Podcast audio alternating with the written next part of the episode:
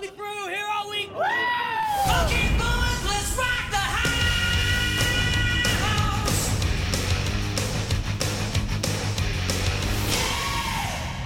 I det 49 avsnittet av C90-podden är vi framme vid den andra delen om The Dirt och Mötley Crüe. Har du inte lyssnat på den första delen så börja med den. Där hade vi precis kommit fram till Mötley Crües tredje platta Theater of Pain som släpptes sommaren 1985. Theater of Pain var ju kanske en av mina största besvikelser. Alltså som du sa, man hade stora förhoppningar. Ja. Eh, Efter Shout to the Devil som då var något av en favoritplatta. Ja. Eh, och eh, sen, kom, sen, sen kom det här, alltså City Boy Blues som är inledningsspåret. Redan där inser man ju att eh, nej, det här kommer inte bli så kul. och, och sen tror jag också det har att göra med att under den tiden hade det hänt en del. Om man ser till hårdrocksklimatet. Alltså Judas Priest hade släppt Defenders of the Faith som var en favoritplatta för min del. Som verkligen fick in mig på den delen. Och eh, Metallica hade kommit Ride the Lightning eh, i slutet av 84. Det såg lite annorlunda ut. Jag tror att många med mig som, som verkligen gillade Shout at the Devil ville gå vidare till Mm. hårdare grejer och kanske inte till liksom Smoking in the Boys Room Nej.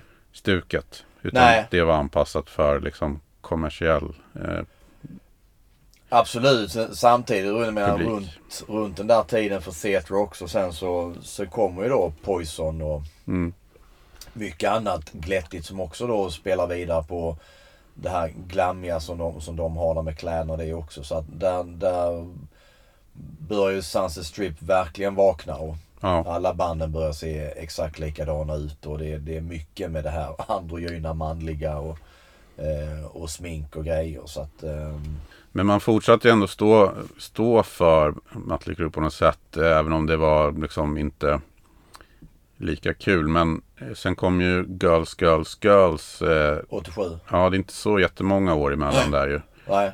Eh, och där har du ju ändå några spår som ändå påminner om storhetstiden. Liksom Wild Oh, ja. Side och Ja, jag, det är här, jag gillar ju Girls, Girls, Girls också. Eh, Jag minns jag köpte det, plattan på um, Weideles heter det väl i Göteborg som var någon blandning av eh, musikinstrumentaffär och skivaffär. Jag gillar den. Alltså det... Jag gillar Dancing on Glass och Five Years Dead och... och um... Fast man märker ju att det fortfarande inte är något eh, kreativt flöde liksom i bandet. Alltså du har e-, e-, ytterligare en cover, Jailhouse Rock. Alltså det är ju otroligt ja, så dessutom en, en, en eh, live-version då från Theatre of Pain-turnén ju. Så att... eh, Ja, alltså det är otroligt fantasilöst Ja. att, att ha med det. Och sen det är en låt som är liksom egentligen bara ett outtake, såhär Nona. Nona som är någon hyllning till Nicky Six mormor eller farmor eller vad det var för någonting. Ja, men det låter ju som så här en demosnutt på en, en och en halv minut eller något sånt där. Och så absolut. man märker att de har inte lätt att få ihop det liksom. Nej, det är väl så. Och, men nej, jag, jag, jag gillar det. Jag gillar titelspåret. Jag gillar framförallt gillar jag ju um, Wildside. Jag tycker den är ju grym alltså.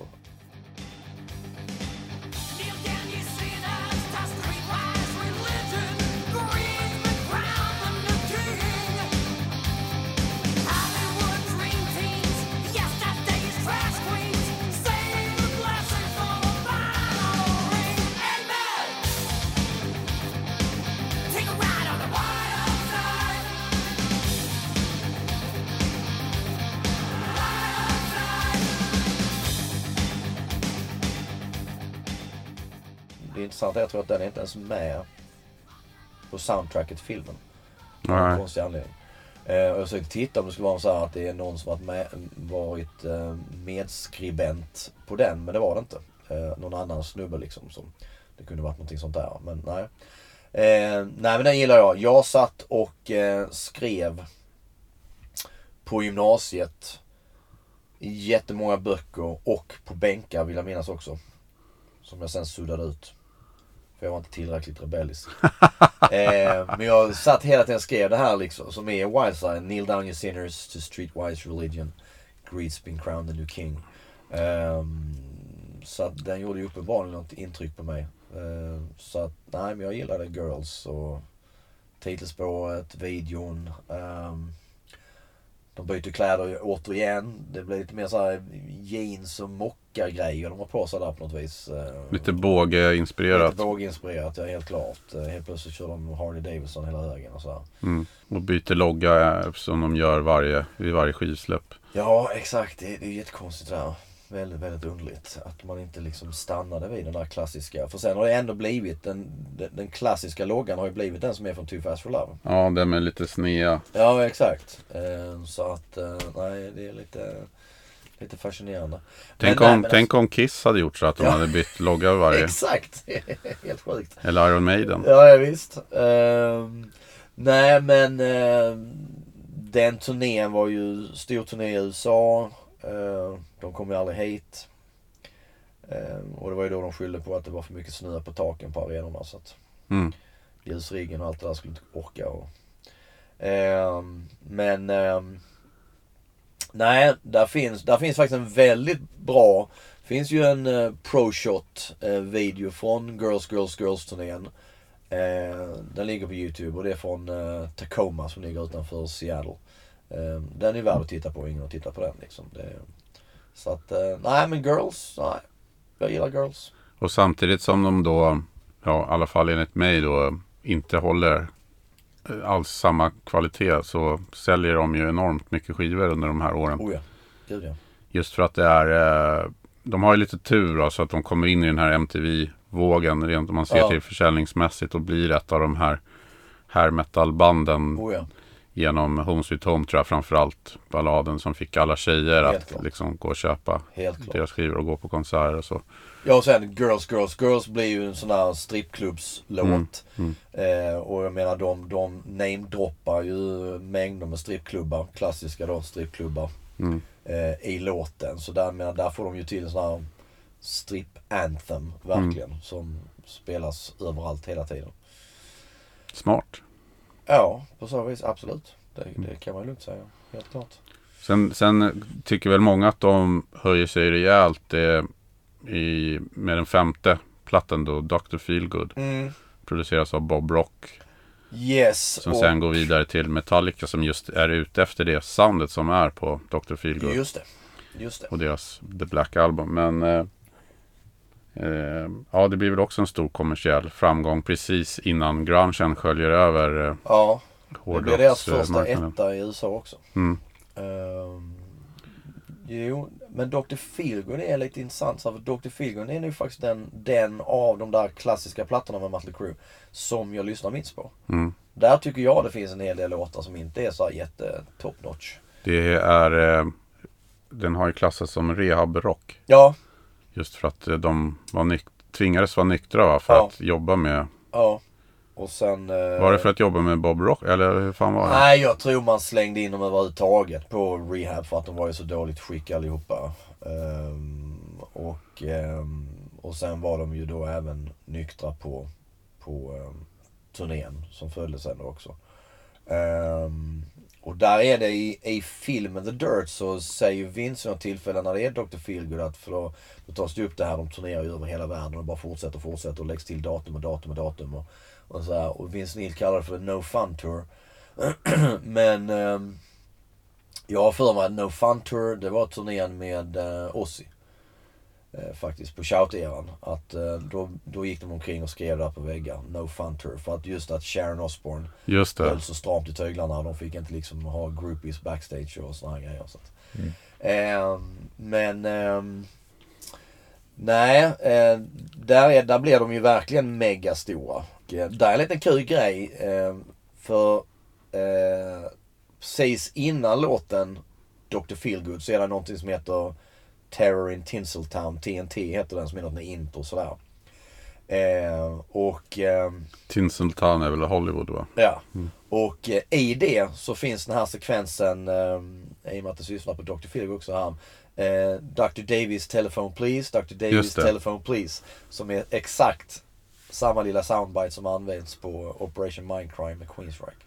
Nej men den, den är bra. Alltså titellåten Dr. Feelgood tycker jag är helt underbar. Fantastiskt bra låt som byggs upp liksom med trummorna och, nej, och det är ett bra sound på den. Bob Rock fick till någonting där, utan tvekan. Det, det kan man lugnt säga.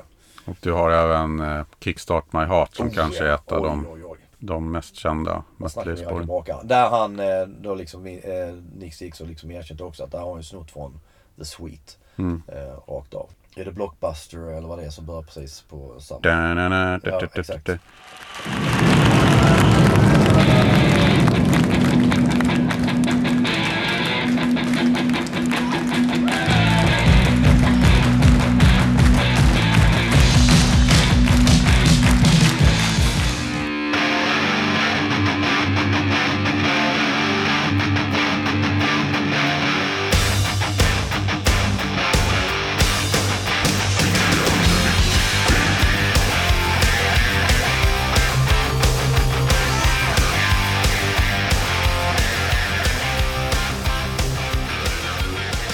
Tycker jag, nu får vi komma tillbaka till filmen igen. Där tycker jag tyvärr att filmen hade ett öppet mål. Jag tror nästan att jag tänkte det när jag läste The Dirt. Att någon gång efteråt när det blev snack om Ja. att det skulle bli film.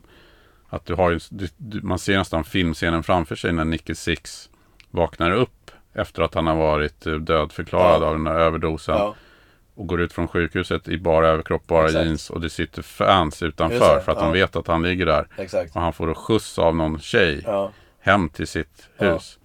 Och Kickstart My Heart handlar ju om det. absolut. Där, det missar de i Ja, filmen. Det är ju ja. en sån rätt i. öppet mål. Och där Absolut. skulle de ju ha kört Kickstart My Det hade Heart. funkat skitbra. Verkligen. Jag ska nog bli regissör. Det ska lätt. Manusförfattare. Lätt. Lätt. Absolut. Nej men det är, det är stor turné. De kommer till Europa då också. Eh, och då kommer de ju, lite intressant, för då kommer de ju med Girls, Girls, Girls. Eh, turnébygget så att säga med den här stora stålburen som Tommy Lee sitter i som snurrar under och sådär. Och Mick Mars spelar ett horribelt gitarrsolo. Eh, jag ser dem i Göteborg. Skid Row förbandet har vi nämnt tidigare. Skid Row var unga hungriga.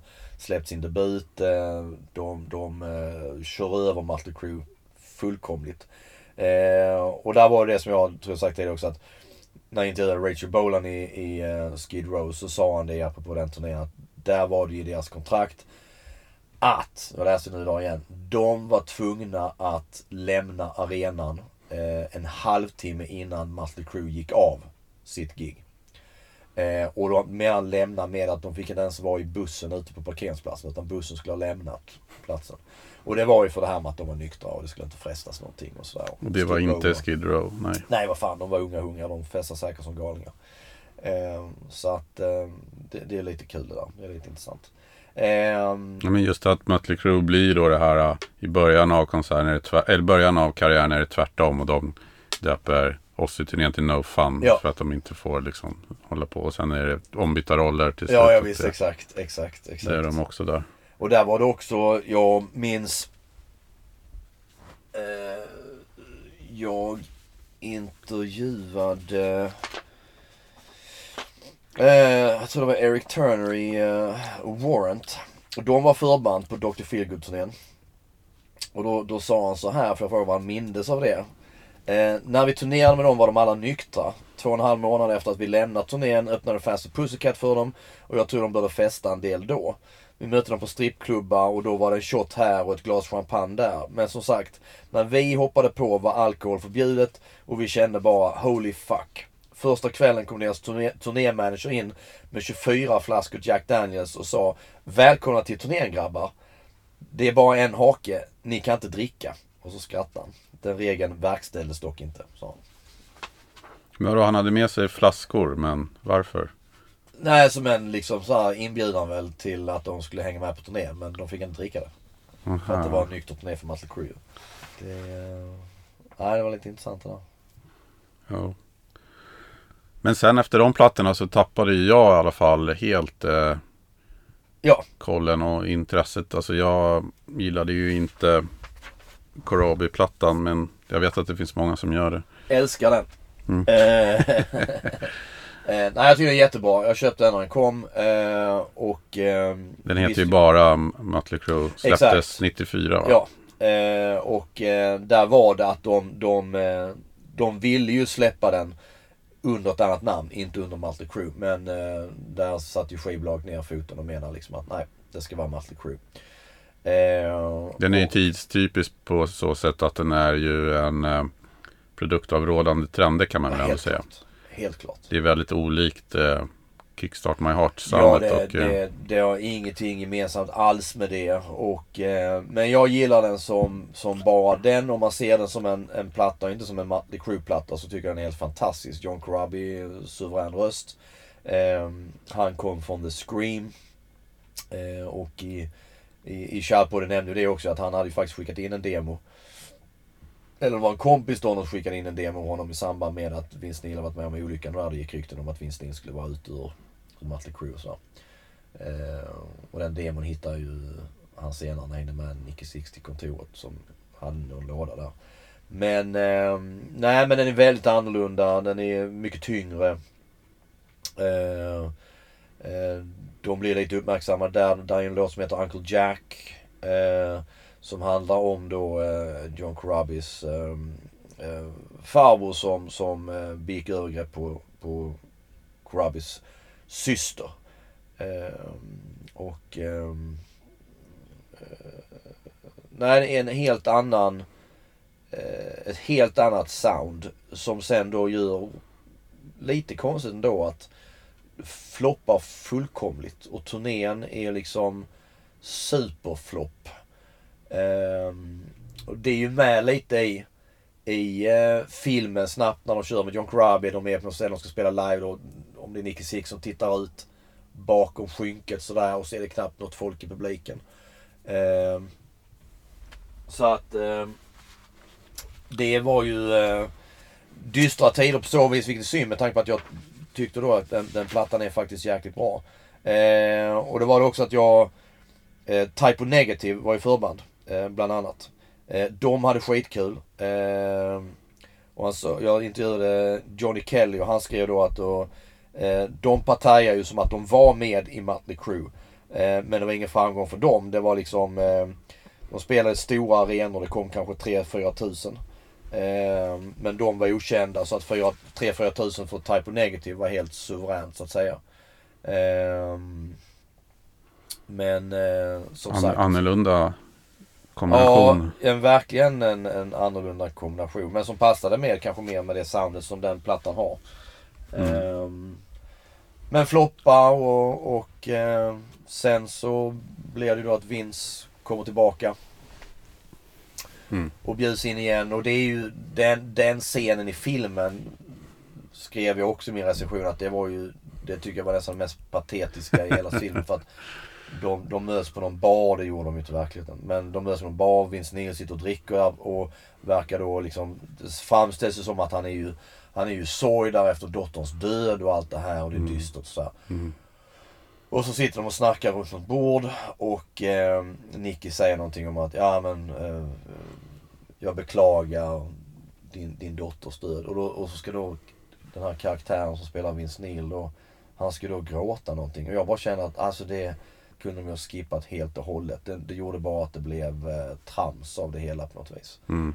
Ehm, Nej, det, det är väl ingen scen som, som höjer filmen direkt. Nej, absolut inte. Absolut inte. Men det roliga var att jag såg nyligen sett två sådana intervjuer som är från eh, runt 92 eller vad är det, eh, strax efter då att Vince Neil har hoppat av och fått sparken. Eh, en intervju är med Dennis Miller som är skådespelare och så här komiker. Han hade någon talkshow på 90-talet i USA. Och då är intervjun, då är Vince Neil där hos honom. och då är det bara några veckor sedan Vince Neil har lämnat Mötley Crüe. Och det roliga är att han framstår inte alls som bitter eller någonting. Han snackar inte skit om bandet och någonting. Och sen var det en intervju jag såg där han är på MTV och intervjuas av Martha Quinn som var en sån här stor personlighet på, på MTV. Eh, och eh, då är det samma sak, då pratar de om för någon, då är det folk som ringer in. Och eh, då är det eh, en som, eh, en kille som ringer och frågar så här, "Ah, jag har hört rykten om att David Lee Roth skulle ersätta dig i, i Mötley Crüe. Och då säger Vince Neil, nej nej nej det stämmer inte. Så, så säger Vince, men jag tror, jag vet att de har gjort auditions. Och jag, jag, jag, jag tror jag har hört nu att de har hittat en kille. Och då säger Martha Quinn, ja just det jag kommer inte på vad han heter heller. Vince vet inte heller namnet. Men hon, men hon säger så, men jag tror det är den där killen från The Scream va. Men han fanns samma sak där, han framstår inte alls som bitter eller någonting. Han snackar inte skit om bandet. För, för Mötley Crüe, det finns också en känd MTV-intervju med, med Mötley Crüe runt den här tiden för 94-plattan. Där jag tror det är Nicky Six som säger någonting ganska brutalt om Vince Neil. Eller det är liksom att han har, eh, han har gått upp i vikt och jag tror Vince Neil hade haft någon, han hade haft någon sån här eh, eh, vattenskidor-olycka, någonting sånt där. Och eh, jag har för mig att Nicky Six säger någonting om att ja, men jag undrar hur det gick för korallrevet. Och så, något riktigt brutalt sådär. eh, så att, nej, det, var lite, det var lite intressant att se faktiskt. What happened to the coral reef? Oh man. Hey, when 300 pounds of blubber land on a coral reef, you know there was some some dust flying around. Invited, but I weigh a ton. Oh, okay, here we go. Great. Now you know that's going to be wrong.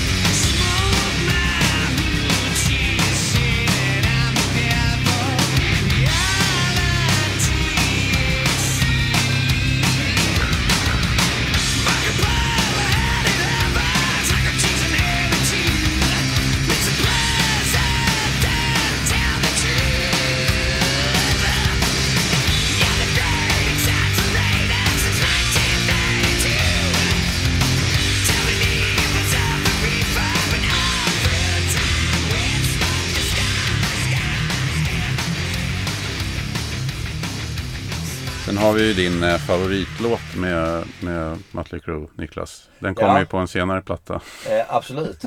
Den, den har varit med på många C90-blandband. Nej men eh, de, de, 97 kommer Generation Swine, de återförenas med Vince Neil. Vince Neil har helt plötsligt rött hår. Man, jag hoppades där också tror jag väl ändå. Mitt intresse var inte så här jättestort för Mötley Crüe men man hoppades väl ändå att okej nu kör de. Ehm, men i mitt tycke en fruktansvärt usel platta. John Corabi har cred på, eh, fått credit på några av låtarna. Bland annat eh, Flush och eh, en låt som heter Let Us Pray. Där han då, som är väl antagligen då överblivet material sen de jobbade med honom. Men nej, värst är som sagt den här Brandon. Eh, som då Tommy Lee har skrivit och sjunger.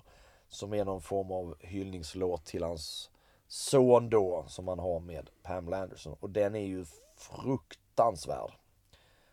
Hemsk.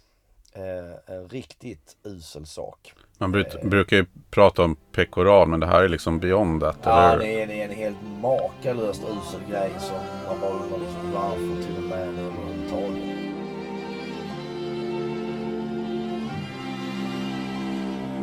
Your mother gave birth to you with love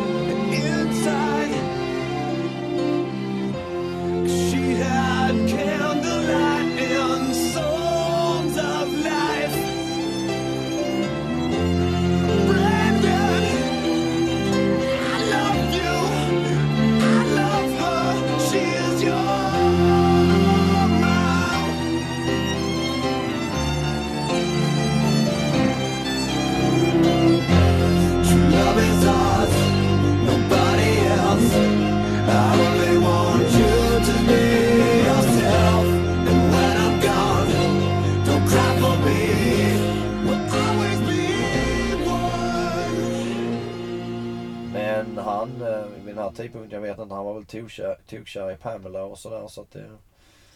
Eller så hade de kanske skilt sig redan här förresten. Eh, Det hade de kanske nog. Eh, När kom Generation Swine? 97. Ja, Eh, det är fyra år, fyra år innan The Dirt. Och Ja. så, så vi säger att den, alltså den Generation Swine var väl liksom som ett sänke för deras karriär. Ja, alltså. alltså fruktansvärt usel. Eh, och jag vill minnas med att de gjorde en så här jättebra i- ifrån sig på turnén och så här heller. Eh, Robin Sander och Rick Nielsen från Cheap Trick medverkar på en låt, Glitter. Och sen eh, och sätta David Page från Toto är med och spelar piano på någon låt. Men var det inte så att Tommy Lee också hoppade av och ersattes av någon tjej under någon turné? Jo, eh, Som finns på DVD-utgåva. det är ju sen och storiesen är ju att eh, eh, Vince Neil och Tommy Lee hamnar i något slagsmål på någon flygplats och sen så slutar Tommy Lee. De plockar in Randy Castillo som hade plan, eh, spelat med eh, Ozzy väl och, och lite typ andra. alla. Ja. Eh, På New Tattoo-skivan. Exakt, New Tattoo-skivan som kommer 2000 och, eh, och som produceras av Mike Klink. Och som faktiskt lyssnade lite på idag. Den var, den var inte fullt så usel som jag minns den. Ehm, och Mike Klink var ju då mannen bakom Appetite for Destruction. Ehm, sen så blir ju Randy Castillo sjuk. Eh, han drabbas ju av cancer och dör ju senare. Så att han ersätts ju av Samantha Maloney från Hole. Just det, det var hon ja. Och det var lite intressant hur de plockade in en, en, en tjej på, eh, på trummor. Eh, Men, men då är ju bandet alltså, deras status är ju väldigt låg. Det här är ju innan det dört. De, Ja. de åker ju på sådana här paketturnéer med eh, alltså de här banden som de ja, och, och hade eh, inspirerat de i spelar ju på, min- de spelar ju på liksom betydligt mindre ställen när de, än vad de liksom gjorde på sin, eh, när de var på topp. Eh, och Jag kommer inte ihåg exakt vilka band det var, men det var ju alltså så här hair metal band som ja, ja det kan det ju ha de, varit. de, de åkte tillsammans med. Och det var ändå små arenor och Jo. liksom halvfullt. Och jag vet inte om det är denna turnén som det finns filmat ju där både, Vince, eh, både Nicky Six och Tommy Lee får något tokanfall på en vakt. Mm. Eh, och de kallar ju honom nigger, eller vad det är. Jag minns inte om det är denna turnén. Men det finns på YouTube, man kan leta efter. Eh, och sen blev de ju anklagade för att vara rasister och allt det här i samband med det. Men eh, nej, New Tattoo var inte fullt så, eh, så usel faktiskt som jag minns den. Lite intressant att se att James Michael, som eh, sen då Six, eh, 6 AM tillsammans med. Han har varit med och skrivit en låt. Eh, Treat Me Like The Dog I Am. Eh, och där kör de också en cover. Eh, White Punks on, on Dope. Som är gamla The Tubes. Som för övrigt är en jäkligt bra låt. White Punks on Dope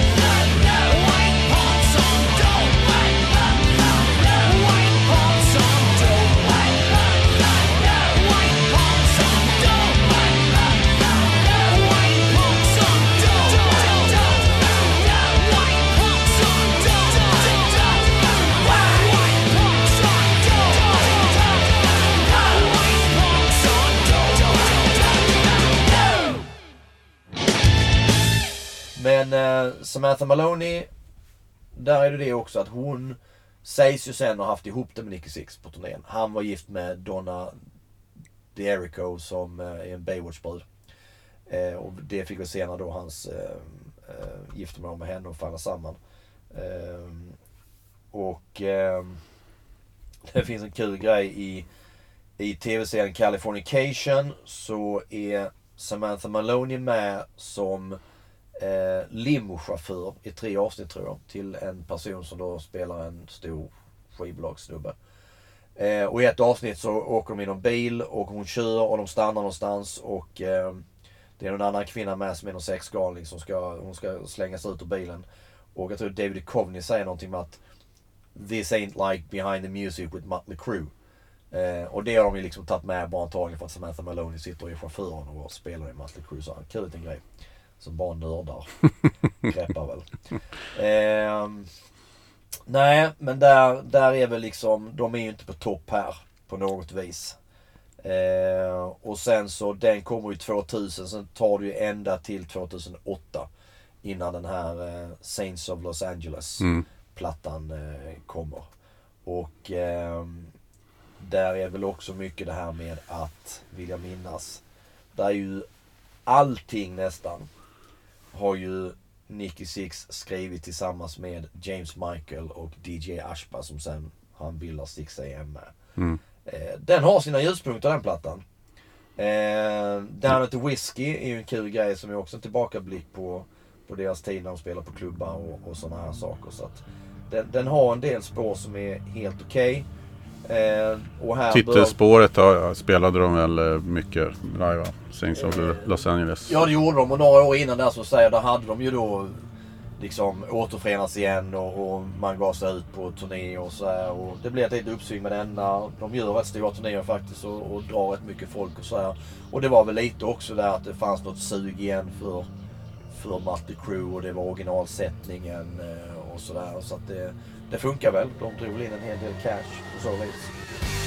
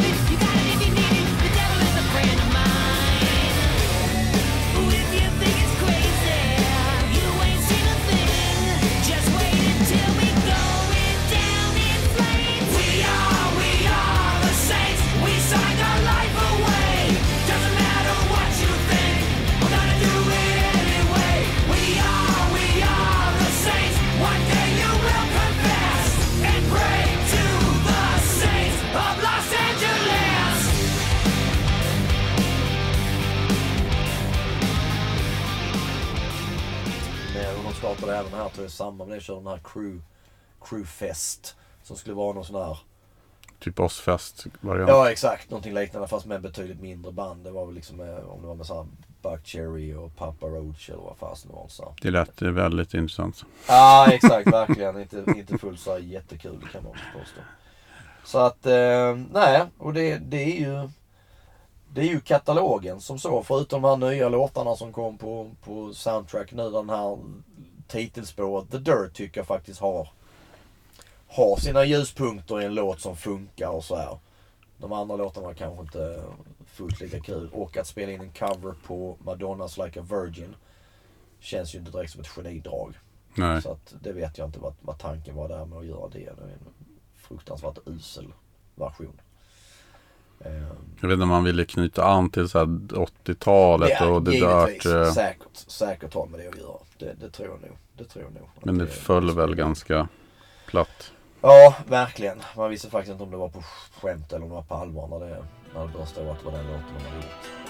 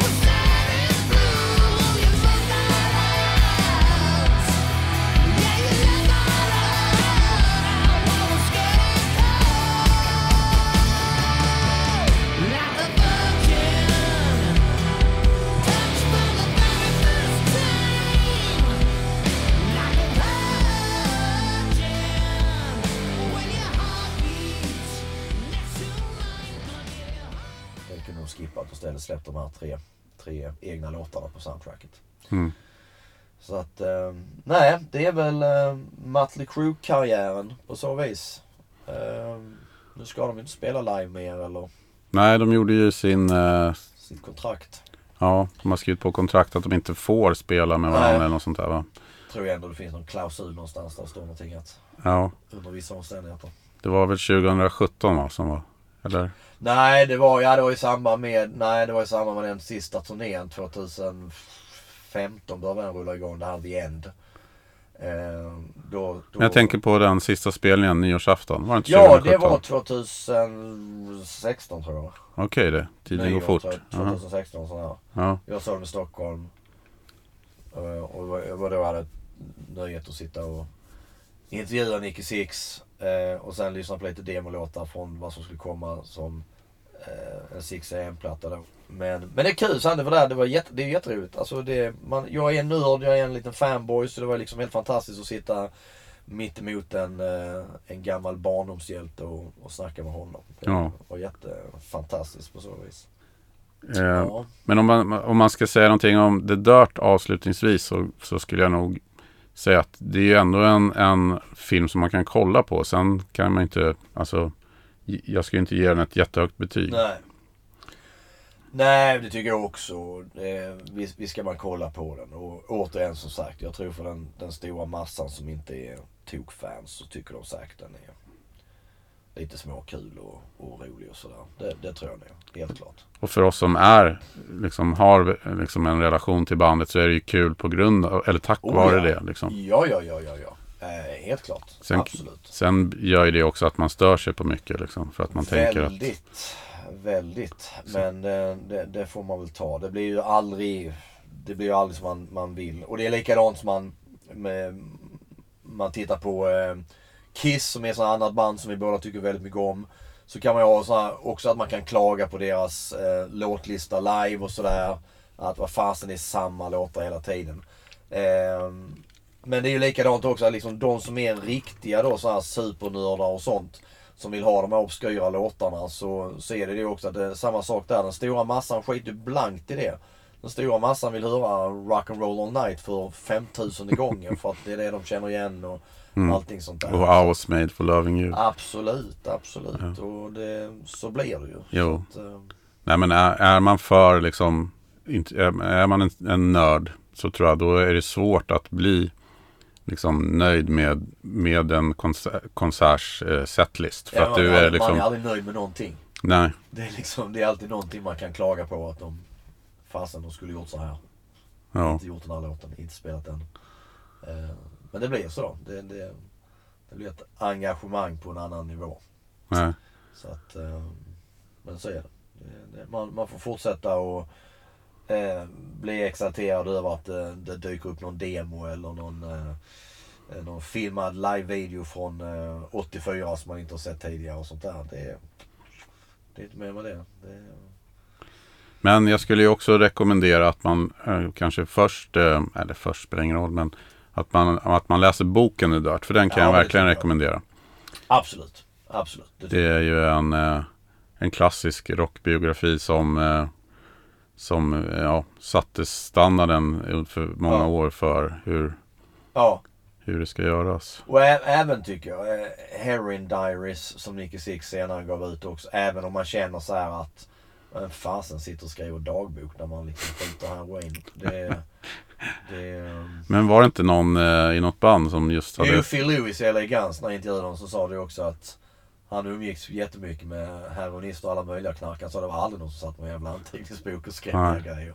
Så den, den är ju lite så här. Men Heroin Diaries är ju också den här orala historien med massa citat. Mm. Där är det ju också att Det är en monolog. Ja. Ja men det, det, där är det ju också att det är ju inte bara Nicky Six utan där får ju gamla managers, Mm. eh, de andra i bandet, eh, andra med, liksom människor som har varit i hans omgivning får ju också säga sin version av att eh, kanske då, och vissa skriver ju att han var ju ett fullkomligt svin vissa gånger och så här. Mm. Så jag gillar den stilen. Sen får man ju ta den boken också med en nypa salt vad som egentligen är sant och vad han, Mm. vad han kommer ihåg och, och sådär. Den känns ju för otrolig för att det ska vara, Mm. att det verkligen är sant alltihopa. Jag kommer ihåg att jag tyckte att den blev tradig på något sätt efter ett tag. Att det blev liksom lite samma... Ja, jag vet inte. Jag gillar nog mycket den också. Och, och Jag kommer inte ihåg en som jag läste ut den. Nej, Men, jag tyckte jag gillade den nog. Det var ändå liksom en del grejer man läser som var rätt så intressant och så. Den, den ska ju nu bli någon, eller det håller man på att jobba nu. Det ska bli någon Broadway, Broadway Okej. grej ehm, av den här Heroin Diaries på något vis. Ehm, det kan väl också bli pannkaka kan man känna. Men ja, ja. Cashen ska in. Det med det. Men vilket band skulle du helst vilja se nu då som nästa filmatisering av deras Oj. karriär liksom på, Oj! som film eller tv-serie? Det sägs ju nu att det var ett snack om en Poison-film.